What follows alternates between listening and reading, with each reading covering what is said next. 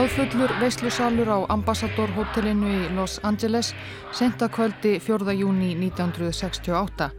Æstir stuðningsmenn tóku fagnandi á móti öldungadeildar þingmanninum Robert F. Kennedy. Hann hafði þá rétt áður sigrað forkostningar demokrataflokksins fyrir forsetakostningarnar síðar á árinu, stórt skrefi átt að því að tryggja sér útnefninguna sem forsetaefni flokksins. Við William Kennedy, Kennedy sem fórsetta, rópuðu áhorfendur áður en Kennedy hóf málsitt.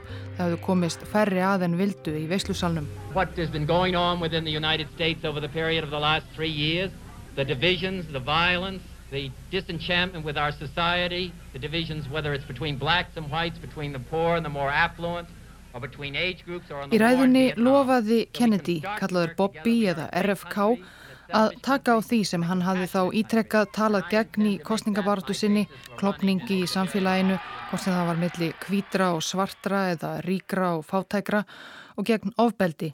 Í lok ræðunar sagði hann að næst væri það svo sigur í Chicago í síðustu fórkostningunum. So, uh, my thanks to all of you and now it's on to Chicago and let's win there. Thank you very much. Örfáum mínútum síðar hafði fögnuðurinn á ambassadorhotellinu breyst í ringulreið og örvendingu og Robert F. Kennedy lág degjandi á gólfinu. Doctor, doctor right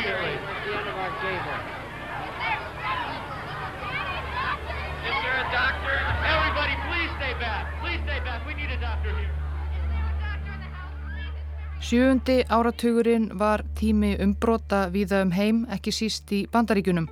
Bandarískir blökkumenn kröfðust réttinda, Vietnam stríðinu var mótmælt af krafti viða um landið um þetta leiti og svo framvegis. Morðið á John F. Kennedy fórsetta 1963 var bandarækjumönnum enni fersku minni þegar 4. april 1968 smákrimmi og kynþáttahattari James Earl Ray skautinn rómaða mannréttinda frömuð þeldökra Martin Luther King til bana í Memphis. Þetta var frjálslindum bandarækjumönnum reyðarslag, ætlaði ofbeldinu í samfélaginu aldrei að linna. Þegar frettir bárust af morðinu á King var fórsetaframbjöðandin Robert F. Kennedy á ferðum Indiana. Hann hafði ávarpað nefendur í tveimur háskólum fyrir um daginn og um kvöldið átti hann að ávarpa fjöldafundi höfuðborginni Indianapolis í fátæku hverfi í miðborginni þar sem svartir voru meiri hluti íbúa. Aðstóðamenn frambjöðandans vöruðu hann við. Þegar spyrðist út um andlát Kings geti mannfjöldin verið til alls líklegur.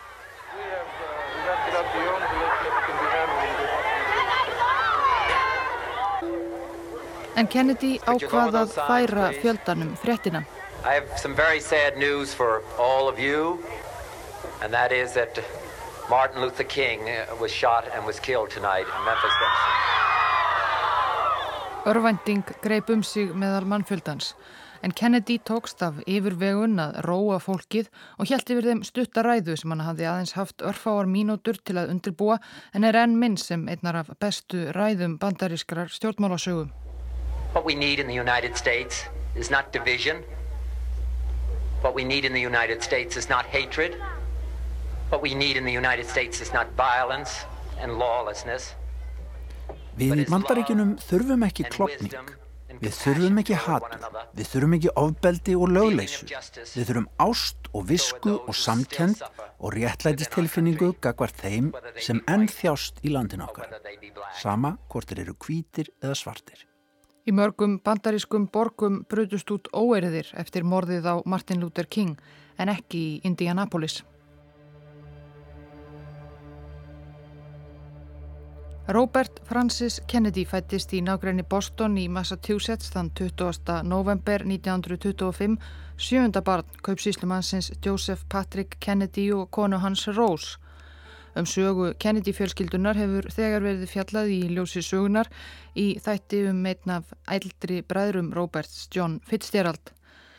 Kennedyarnir voru írsk ættaðir katholikar sem byrjuði að setja svip á bandarísk þjóðmál á ofanverðri 19. öld þegar PJ Kennedy, svonur fátæks írsks innflytjanda, fór út í ríkispolítík í Massachusetts eftir að hafa auðgast á kráarekstri. Sónur hans, Joseph Patrick, var svo enn ríkari á ímiskonar fjárfestingum. Hann hafði líka pólitískan metnað sem aldrei rættist alminnilega úr en hann lagði þess meiri áherslu á við síni sína að þeir fetuðu stjórnmálabrautina. Robert var 8 árum yngri en John Fitzgerald og 10 árum yngri en elstisónurinn Joseph Patrick Yngri. Það var gagvart þeim eldstu sem aðtikli föðursins beintist öðru fremur. Hann var fullvissum að eldsti svonurinn ætti eftir að ná langt á stjórnmálasviðinu stemdi að því lengt og ljóst og ef ekki Joseph Patrick Yngri þá sá næst eldsti John. Robert fekk minni aðtikli og minni vendingar voru settar á herðar honum. Fadir hans hafði í raun lengst af enga trú á honum. En það gerði hann eftir vill enn einbittar í því að skara fram úr í sískinahópnum.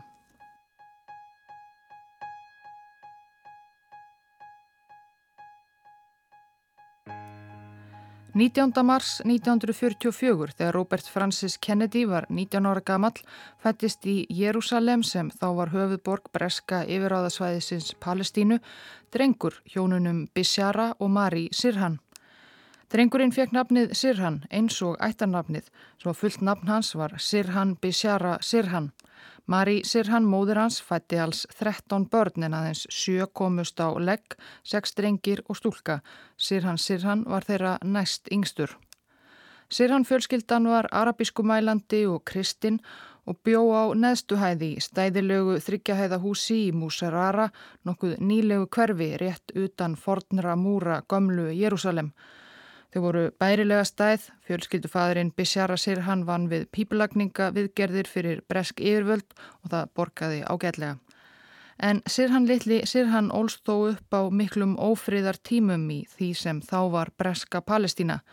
Evróskir gýðingar voru löngufarnir að flytjast til Palestínu í stórum stíl og í kjölfar setni heimstyrjaldar urðu kröfur þeirra um sjálfstætt ríki á svæðinu háværari og fengu meiri hljómgrunn á Vesturlundum. Í Músarara byggu bæði arabar og gýðingar en sambúðin var sífælt verri. Jérúsalem og allt landið helga var púðurtuna.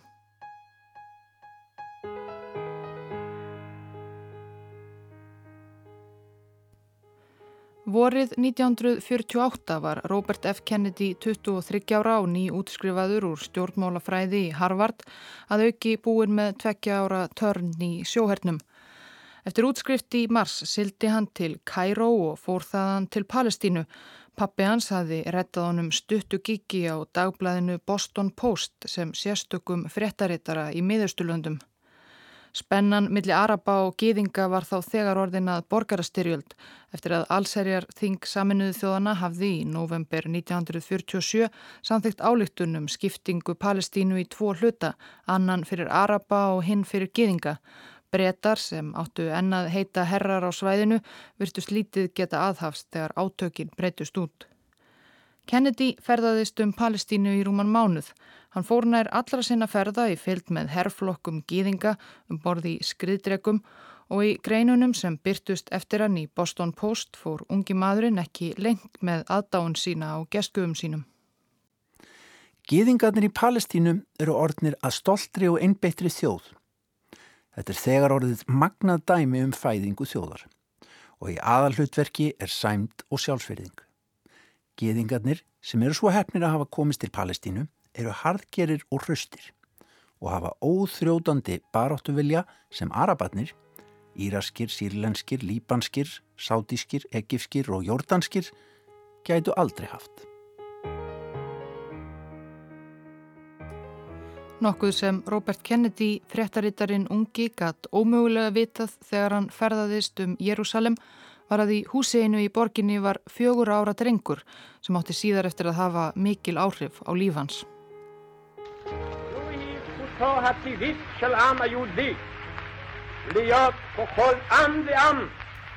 14. mæ 1948 lísti David Ben Gurion yfir sjálfstæði Ísraels í aðtöfni Tel Aviv. Dægin eftir sögðu Araparíkin hinnu nýja ríki stríð á hendur og réðust á það úr öllum áttum. Engu að síður tókst Ísraelum að verja sig og eftir tæft árstóð sjálfstætt Ísrael uppi sem sigurvegari. Sirhan Sirhan var fjögur ára þegar stríðið braust út. Það var hart barist í Jérúsalem og í stríðslokk var borgin klófin í tvent, Ísraelskan vesturhluta og arabískan austurhluta sem var þá á valdi Araparíkisins Jórdaníu. Musrara þar sem Sirhan fjölskyldan bjó var í vesturhlutanum og fjölskyldan varð að flýja heimili sitt yfir til austurs líkt og ótal margir aðrir arabískir borgarbúar. Þau kemist fljótt heim aftur, voru þau öll handvisum en það varð ekki raunin. Sirhan fjölskyldan fekk stöðu flóttafólks og jórdanskan ríkisborgararétt. Nýju manna fjölskyldu var útlutað litlu herbergi í rörlegu húsi í austur Jérúsalem án Ramax og rennandi vatns sem alls hýsti nýju palestínskar fjölskyldur.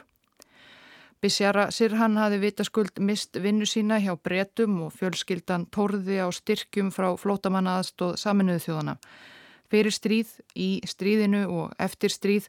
Þetta var ömurlegt umhverfi fyrir ung börn eins og Sirhan Sirhan sem fór ekki varhluta af ofbeldinu sem var allt um kring. Áleið út í búð með föður sínum varð fjögur ára drengurinn vitni að því þegar hriðjúverkasamtök Gýðinga Irgun sprengdu sprengju við rútustoppistöð við eitt hliðið að Gömluborginni. Ellefu Arabar letu lífið og tveir breskir hermenn Sirhan litli var ómeittur en fjall í ómegin við sjónina af sundurripnum líkamspörtum sem flugu í allar áttir. Það var heldur ekki síðasta sinn sem Sirhan varð vitni að ofbeldisverkum og blóðsúthellingum af þessu tægi. Þegar einhverinn fór fljótt að sína þess merki, hann var sífælt hrættur, hann fjalli yfirlið í tíma og ótíma, hann nagaði neglur og talaði í svefni og pissaði undir. Tilraunir föður hans til að berja úr honum aumingjaskapin báru ekki árangur. Ekki batnaði ástandið 1952 þegar Sirhan þá 8 ára varð vitni að því að herrflutningabíl lendi í skotríð á veginum við heimili fjörskildunar, svegði út af og ógá einn eldri bróður hans Múnir sem dró sína síðustu andardrætti beint fyrir framann litla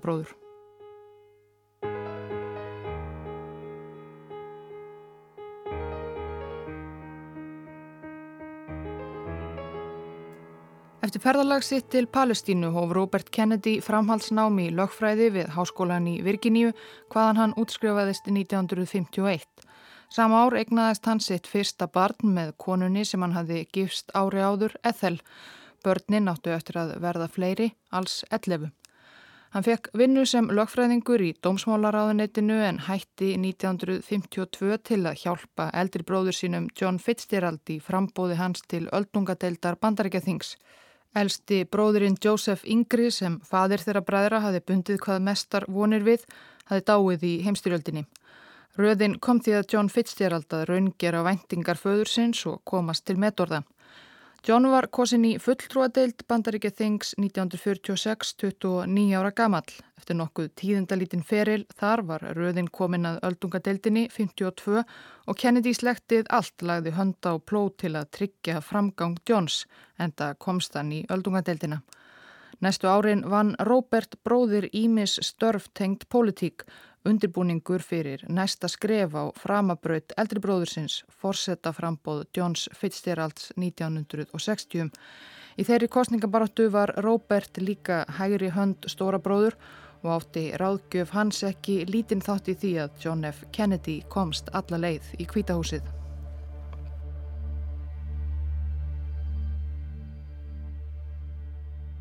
1957 fekk Sirhan fjölskyldan í gegnum bandaríska velgjörðarmenn sem störfuðu með kirkjunni þeirra í Jérúsalem landvistarleifi í bandaríkunum og vilirði um hjálp við að koma undir sig fótunum í heimaborg velgjörðarmannana Pasadena í útjæðri Los Angeles í Kaliforníu. Sirhan Sirhan, þá 12 ára, var sá eini sem vildi ekki fara til bandaríkjana Hann var farin að hlusta mikið á arabíst áróðurs útvarps Nassers Egiptalands fórsetta þar sem bandaríkin voru sett fram sem rót alls íls og óvinnir araba um heim allan og þangað vildi hann því alls ekki fara. Hann hljópst á brott, það leið sólarhingur þar til fjölskyldan hafði upp á drengnum sem var þá komin eina 15 km norður til Ramallah. Hann var neittur heim að pakka.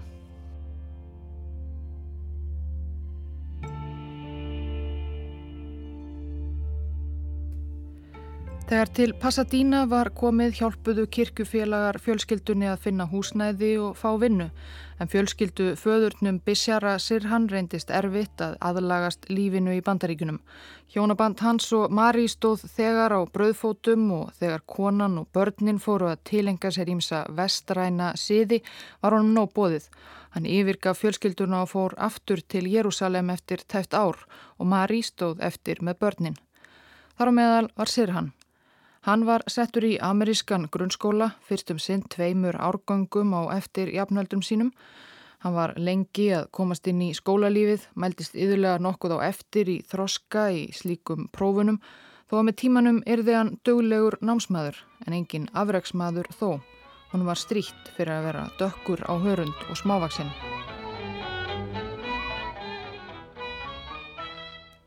Hann svaraði þó fyrir sig og fekk orð á sig að vera þrætukjarn í skóla. Þó svo að Sirhan börnin öll lærðu ennsku og gengu í ameríska skóla og innu svo amerísk störf var arabísk menning enn í hávegum höfð heima fyrir. Gift voru arabísk dagblöð og heimilinu hljómaði í sífellu arabísk tónlist af kassettum.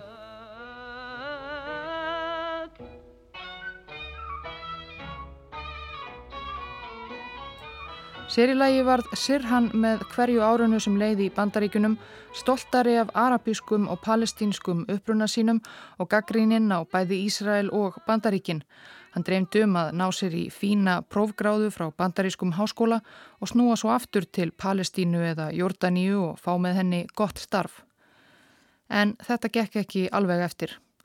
Eftir mentaskóla fór Sirhan í lítinn alþýðuháskóla í Pasadena en flosnaði upp úr námi eftir rúmt ár vegna slemrar mætingar.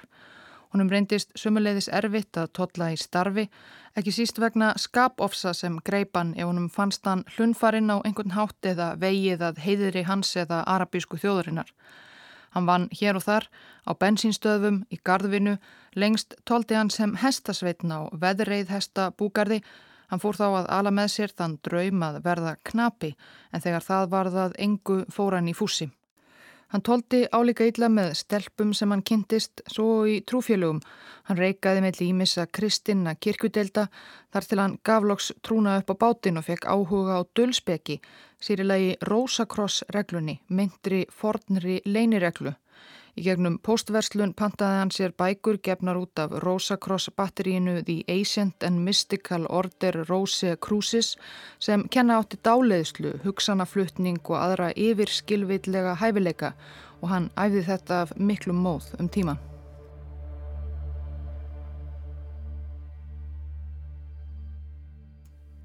Þegar John Fitzgerald Kennedy tók við ennbætti fórsetta bandaríkjana í áspyrjun 1961 gerði hann litla bróður sinn Robert að dómsmálar á þeirra. Skipuninn var nokkuð umdelt þar sem tæplega var hægt að segja að Robert, þá 36 ára, hefði mikla eða langa dóms- eða stjórnmálarreynslu að baki. Skipuninn var reyndar svo umdelt að árið 1967 settu bandarískir þingmenn sérstök lög sem banna fórsetum að skipa ættmenni sín í ofinber ennbætti. Lög sem enn eru í gildi þó svo að síðari tíma fórsetar hafi reyndað komast hjá því að fara alveg eftir þeim.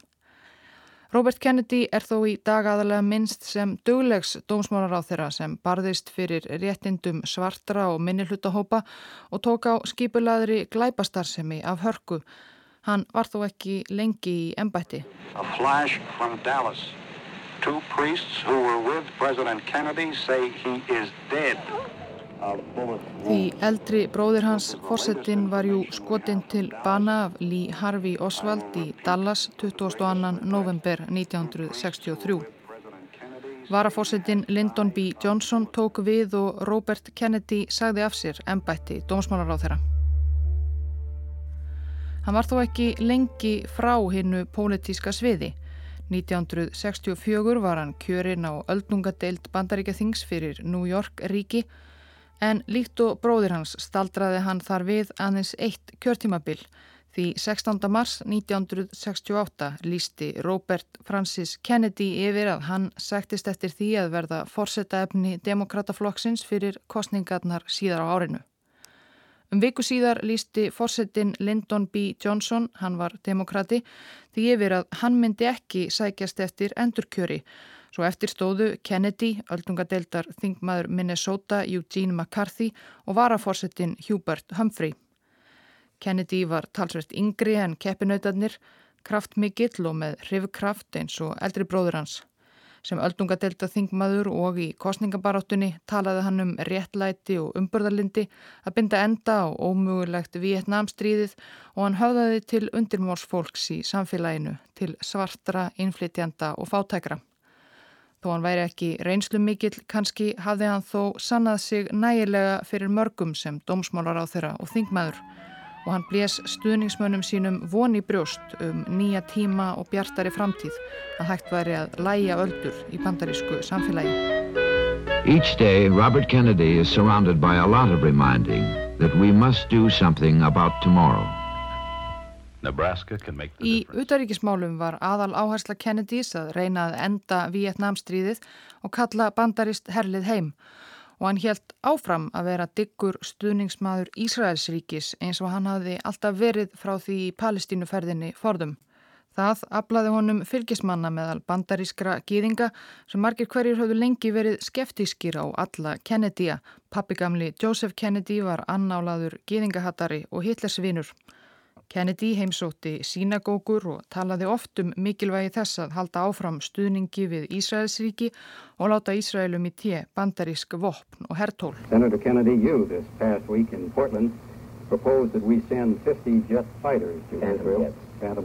Í kappræðum við keppinautsinn í forkostningum Eugene McCarthy undirstrykaði Robert F. Kennedy þannig stuðningsinn við áformum að selja Ísraelum heilar 50 glænýjar F-4 Phantom orustu þóttur til að styrkja Ísraelska flugherrin.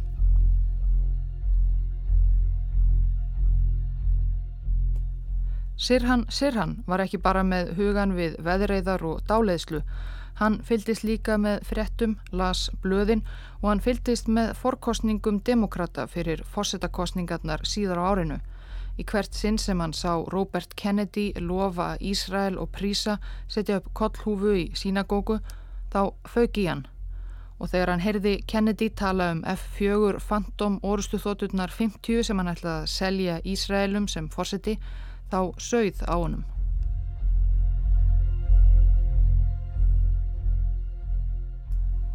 4. júni 1968 voru forkostningar demokrataflokksins í tveimur ríkjum, Suður Dakota og Kaliforníu. Forkostningin í Kaliforníu skipti öllu máli. Kennedy gekk vel en hann var ekki fremstur. Sigur í Kaliforníu myndi bæði færa honum allmarga kjörmenn á silfurfati fyrir landsþing demokrataflokksins og vonandi samfæra þungavíktar menn í floknum að hann væri færum að sigra sjálft fórseta embættið þegar að því kemi. Kennedy svaf út þennan dag. Fjölskyldan gisti hjá vinum í Los Angeles. Hann var útkerður eftir linnulöysa kostningabaráttu undan farina daga og vikna, ferðalögum allt landið, ótal fundi og ræður. Um hátegi fór hann á ströndina með batnaskaran sinn. Það var skíjað en börnin leku sér í flæðarmálunu. Strax síðdegis á kjördag var sjónvarpið farið að spá Sigri Kennedys í forkostningunum í Kaliforníu. Kjörsókn var góð, ekki síst þar sem bjó fólk af meksikóskum ættum og það stutti á nefa Kennedy frekar en keppinauta hans. Kennedy og starfsmenn hans fóru að leggja draugin að Sigurræðu og Sigurháttíð sem átti að fara fram á einu sögufrægasta hóteli Los Angeles borgar, Ambassador.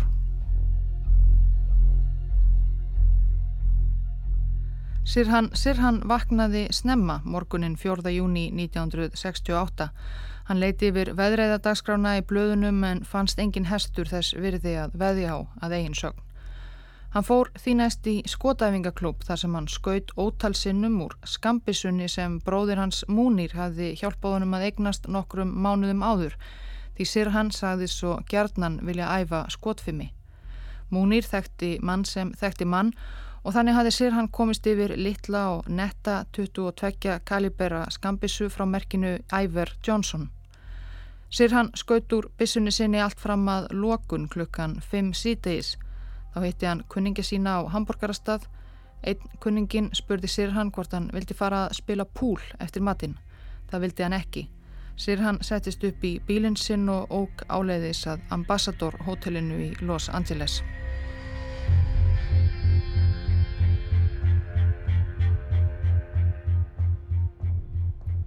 Það var mikið um að vera í veislusölum hótelsins þetta kvöld.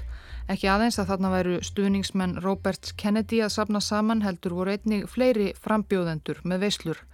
Republikanin Max Rafferty sótist eftir því að komast í öldungadeildina.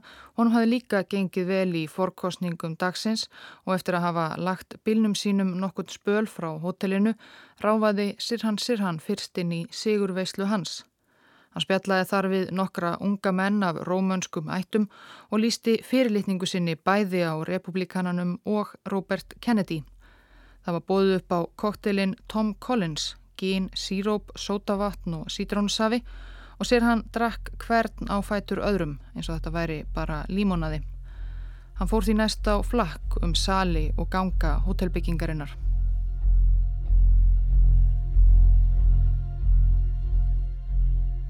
Now. Senator McCarthy has 43%. For the first time, he's fallen behind in percentage points. Senator Kennedy now leads with 44% and a considerably greater raw vote. Um miðnætti var orðið nokkuð ljóst að Robert F. Kennedy hefði hlotið fleiri atkvæði en keppinautur hans í fórkásningunum Eugene McCarthy. Í beitni útsendingu sjónvastöðvarinnar ABC mátti sjá Kennedy halda á samt fylgdarliði sínu af stað að flytja sigurræðu sína. Dansalur hotelsins, Embassy Ballroom, var þegar tróðfullur af æstum stuðningsmönnum og starfsfólk frambjöðandans og hotelsins lefti fólki ekki lengur þar inn.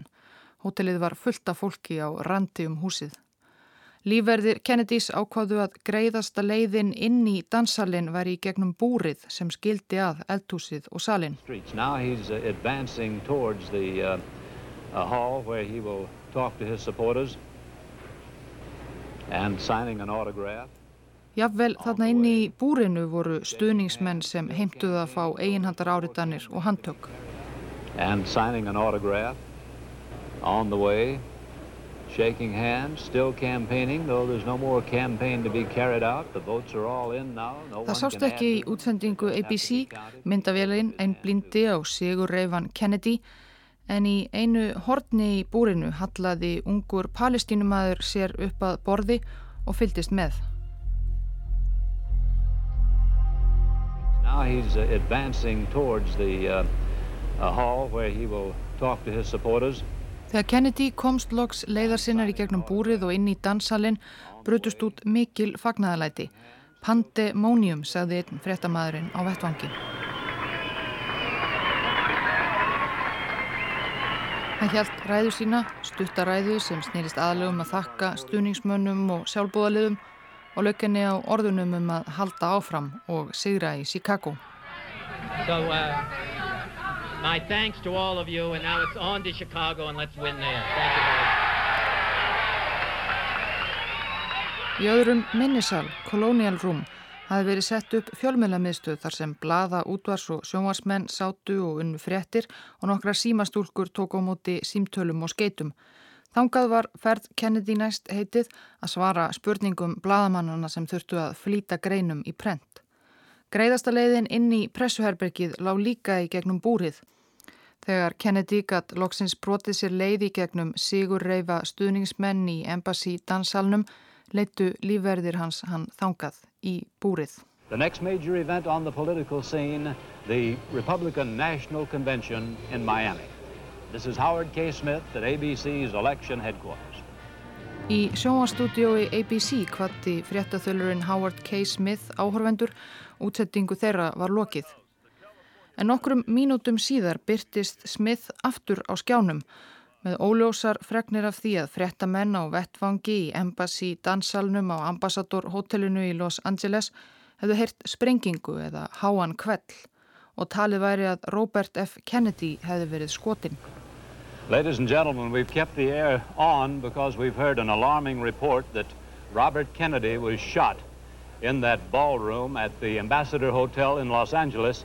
A very loud noise like a clap of thunder was heard. Það sem gerst hafði þetta er einn ofinbera útgáfa alltjent, var að þegar Kennedy, lífverðir hans og starfsmenn voru að riðja sér leið í gegnum búrið, hafði 24 ára gamal palestínumadur, Sirhan Sirhan, stíð fram úr horninu þar sem hann hafði staðið og tekið upp skambisuna sem hann hafði komist yfir nokkrum mánuðum áður.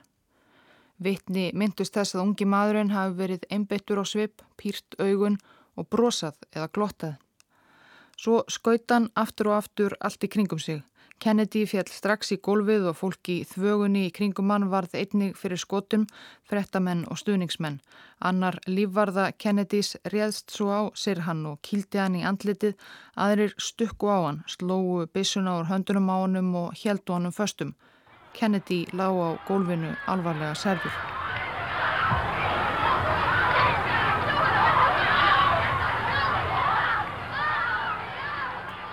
Það var engin kvikmyndatökumadur í fyllt Kennedys og félaga á leið þeirra aftur í gegnum búrið eins og verið hafði á fyrirleðinni svo morðið sjálft náðist ekki á myndband. En fréttatökumenn náðu ringulreiðinni sem greip um sig í sjálfum dansalnum fyrir utan þegar það kvisaðist út að einhver hefði heyrt skot, einhver hefði verið skotin, ekki bara einhver þegar eigin elskaði og dáði Robert Kennedy. Útasmaðurinn Andrew West á Kaliforníu stuðinni KRKD eldi Kennedy inn í búrið með upptökutæki í vonum að ná viðtali. Í stað þess varðan vittni að dauða hans. Senator Kennedy has been shot. Is that possible? Is that possible? It could... Is it possible, ladies and gentlemen? It is possible. He has... Not only Senator Kennedy... Oh, my God. Senator Kennedy has been shot. Careful. Get the gun. Get the gun. Get the gun. Stay away from the gun. Stay away from the gun. His hand is frozen. Í bakgrunni má heyra rópin og köllin þegar fólk hendir sér á Sirhan og heldur honum. Sirhan reyndi að brjóta sig lausan og grýpa bissuna sína aftur en skotin voru búin. Vittni sögðu síðar að hann hefði rópað í gegnum ringulreðina. Ég get útskýrt þetta. Ég gerði þetta fyrir landið mitt. Eitthvað svoleiðis. Hann hafði hæft Kennedy þrísvar. Einn kúla fór í hálsin á honum, önnur í aukslina, svo þriðja og örlagaríkasta í höfuðið. Hafnaði í heila Kennedy svo brotnaði þar í ótal móla. Hann var þó lengi með meðvitund þar sem hann lá á búrgólfinu. 17 ára þjótt Juan Romero kraup við hliðans til er fræg mynd eftir ljósmyndara Los Angeles Times, Boris Jaró, sem sínir örvæntingar fullan táningin við hlið degjandi mannsins. Er í lægi með alla, spurði Kennedy og Romero fullvisaði hann um að jú, það væri í lægi með alla. Ekki löngu síðar var Ethel, kona Kennedys, leitt inn í búrið til að vera við hliðans. Hún var þá komin þrjá mánuði á leið með þeirra ellefta barn.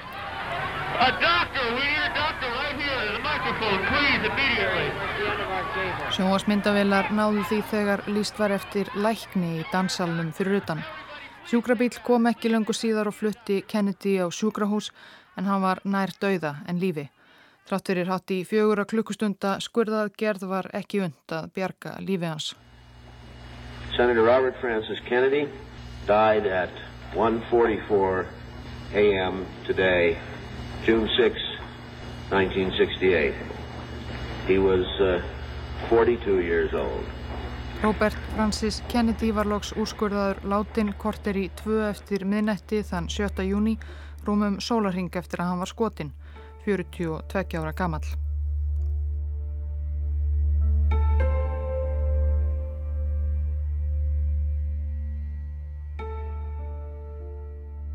Sirhan Sirhan var fluttur á lauruglustöð. Hann neytaði lengi að segja nokkur deili á sér en myndir af honum byrtust í fjölmiðlum og bræður hans höfðu þá samband við lauruglu. Í vasa hans fannst úrklippa ár blaðinu Pasadena Independent leiðari þar sem bent var á þá hræstni Kennedys að vilja binda enda á Vietnamstríðið og segjast hann eða bóða frið en tala um leið fyrir aukinni vopnasölu til Ísraels eins og það væri sérstaklega friðsamlegt. Við húsleit heima hjá Sirhan fundust líka dagbækur hans þar sem hann hafi skrifað ítrekkað um hatur sitt á Robert Kennedy og áform um að koma honum fyrir Katarnef. Fyrirætlanir mínar um að útrýma Robert F. Kennedy er að verða meira og meira að óhaganlegri þráhyggju. Robert F. Kennedy verður að deyja. Það verður að drepa Kennedy. Það verður að ráða Kennedy af dögum fyrir 5. júni 1968. Og fleira í þessum dúr. 5. júni 1968 vel á minnst var ár liðið frá því að sexdagastríð Ísraels og Araparíkjana hófst. Ósigur Arapa þar satt verulega í Sirhan og kannad útskýra þessa ákveðnu dagsetningum. Sirhan Sirhan hefur alla tíð gefið nokkuð misvísandi skýringar á og frásagnir af ótaðisverki sínu Í fyrstu yfirheyslum lauruglu játaði hann að hafa orðið Robert F. Kennedy að bana og í réttarsal, réttarhöldin fóru fram vorið 1969, fór hann mikinn um Ísraels ást Kennedys og þjáningar palestínsku þjóðarinnar sem átti að réttlæta verknað hans. Engu að síður reyndu lögfræðingar sér hans að fá refsingu hans milda þar sem hann gengi ekki heilt til skóar og hefði ekki verið með sjálfum sér þegar morðið var framið ekki bara undir áhrifum áfengis, allra Tom Collins kokteilana sem hann þampaði eins og límonaði um kvöldið, heldur í einhvers konar hugrófi. Sálfræðingar voru kallaði fyrir dóminn og fjallað var um blóði drifna æsku sér hans í Jérúsalem og all vandamálinn sem höfðu eldan æg síðan. Kviðdómurum let sér fátum finnast og Sirhan Bishara Sirhan var í april 1969 dæmdur til dauða fyrir morðið á Robert F. Kennedy. Bundin hefði verið endi á líf hans í gasklefa, hefði ekki, þremur árum síðar, hæstiréttur Kaliforníu bannað döðarefsingar í ríkinu. Refsingu Sirhan Bishara Sirhan var þá breytt í lífstíðarfangelsi.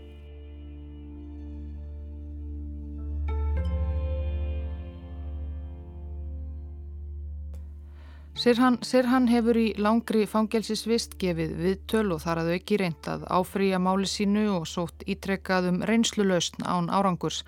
Hann hefur því nokkrum sinnum fengið tækifæri til að tjá sig ofinberlega. Hann heldur því statt og stöðugt fram að hann muni í raun ekkert eftir því að hafa drepið Kennedy. But uh,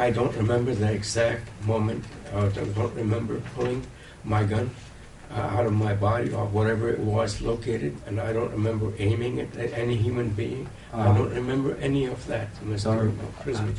And Og þá ímist borið fyrir sig áfengisneislu eða annarlegu andlegu ástandi eða jáfnvel talað um að hann hafi verið sem dáleitur. Dáleiðslu talið og áhugi hins unga sérhans á dulspeki og Rosacross reglunni hefur verið mörgum samsæriskenningasmiðum innblástur. Það eru álíka margar samsæriskenningar á kreikjum morðið á Robert F. Kennedy og til eru um dauða eldri bróður hans og alls ekki allir samfærðir um að sagan sé nákvæmlega eins og hún hefur verið sett fram hér. Þannig telja einhverjir að Sirhan hafi verið einhvern veginn dáleitur eða sannfærður um að myrða Kennedy fyrir einhverja sem vildu ekki sjá hann komast alla leið í kvítahúsið. Aðrir telja að Sirhan hafi ekki verið einn að verki kvöldið sem morðið var framið. Vísbendingar séu um að tveir hafi skotið úr bissum í búrinu á ambassadarhótelinu þetta kvöld, Sirhan Sirhan og einhver annar óþektur tilræðismæður. Sirhan hafi, samkvæmt frásögnum vitna, ekki staðið á réttum stað til að hafa skotið skotunum sem urðu Kennedy að bana eða ekki staðið nógu nálægtunum. Lauruglunni hafi yfirsést þetta eða kannski ekki viljað rannsaka það. En sérfræðinga greinir á og frásögnum vitna ber ekki alveg saman heldur.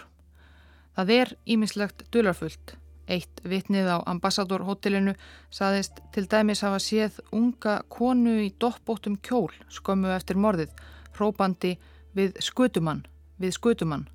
En hvaða við? Meðal þeirra sem hafa kallað eftir því að málið sé rannsakað til hlítar á nýjan leik er Paul Schreit sem stóð nærri Kennedy í búrinu og fekk kúlu úr kúrnarhríð Sirhan Sirhans í höfuðið en lifði það af.